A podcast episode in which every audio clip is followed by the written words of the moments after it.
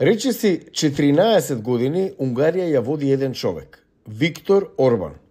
Критичарите велат дека премиерот акумулирал мок и богатство со заробување на државните институции.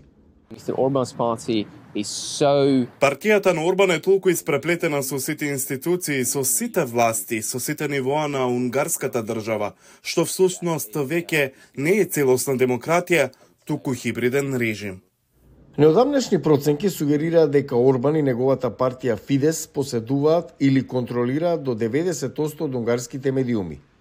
Еден од редките преостанати независни медиуми е Директ 36, кој основан од Андраш Пето, откако неговиот предходен работодавец беше купен од војалистите на Фидес.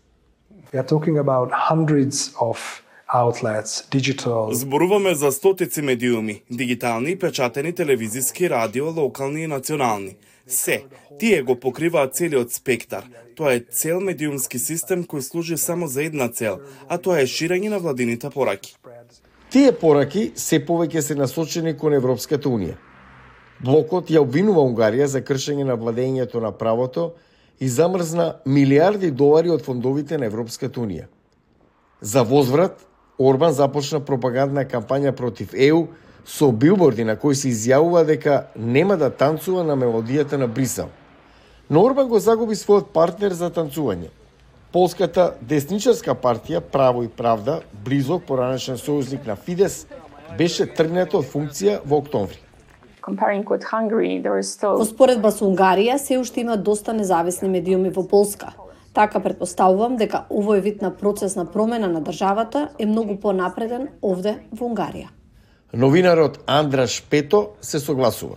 Orban has a much uh, tighter Орбан има многу поостра контрола врз државата. Тој работи на тоа три децении. Имаше многу време. Тоа е една работа. А друга работа е што опозицијата во Унгарија е на вистина во лоша состојба.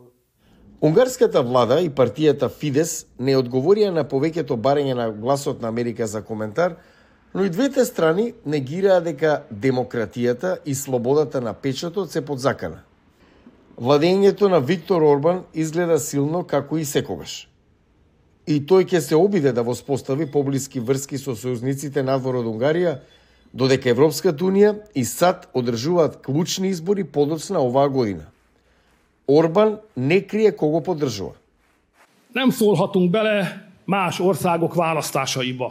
Не можеме да се вклучиме во избори во друга држава, но на вистина би сакале председателот Доналд Трамп да се врати на председателската функција. Орбан верува дека времето е на негова страна и дека наскоро нема да биде повеќе сам на меѓународната сцена.